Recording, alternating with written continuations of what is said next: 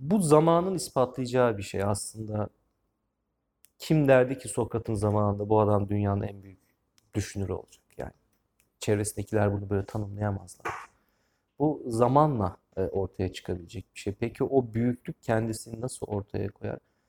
Ne kadar uzun süre belki de olumlu bir şekilde etki ettiğine ve ne kadar uzun süre tartışıldığınla alakalı bir şeydir.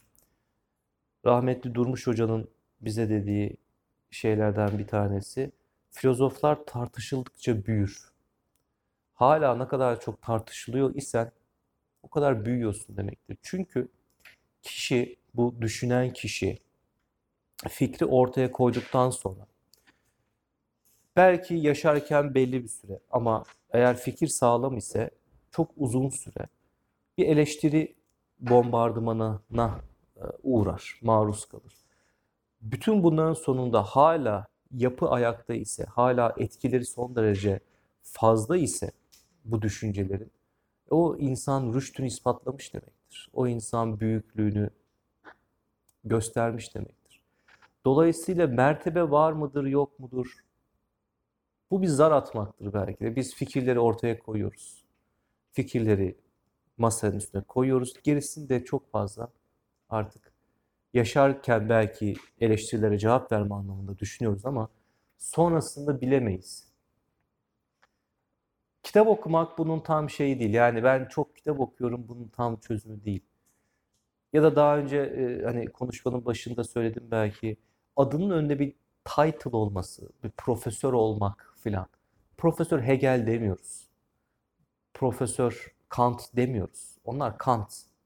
Zaten iş, yapılan iş büyüdükçe, ortaya konulan fikir incelik, incelik kazandıkça, detaylandıkça, e, adının önündeki ismin bile hatta ortadan kalkıyor. Sadece soy isminle e, anılmaya başlıyorsun.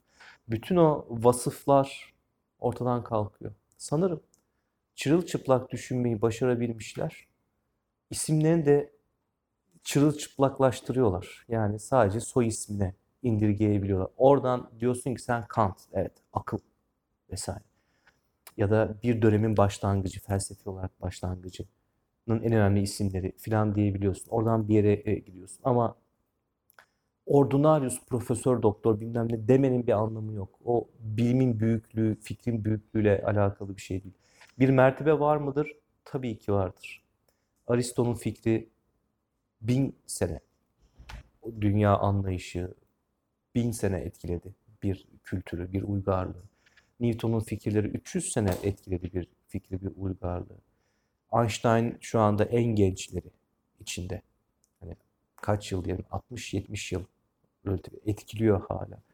Ee, bu bunların hepsi birer sıçrama. O sıçramayı gerçekleştirebilmek önemli. Belki konuşmanın ilerleyen vakitlerine yine değiniriz. Sağlam bir öykü yazabilmek ve çağlara direnen, ayakta kalabilen sağlam bir öykü yazabilmek önemli. Bu öykünün sağlamlığını zaman gösterir.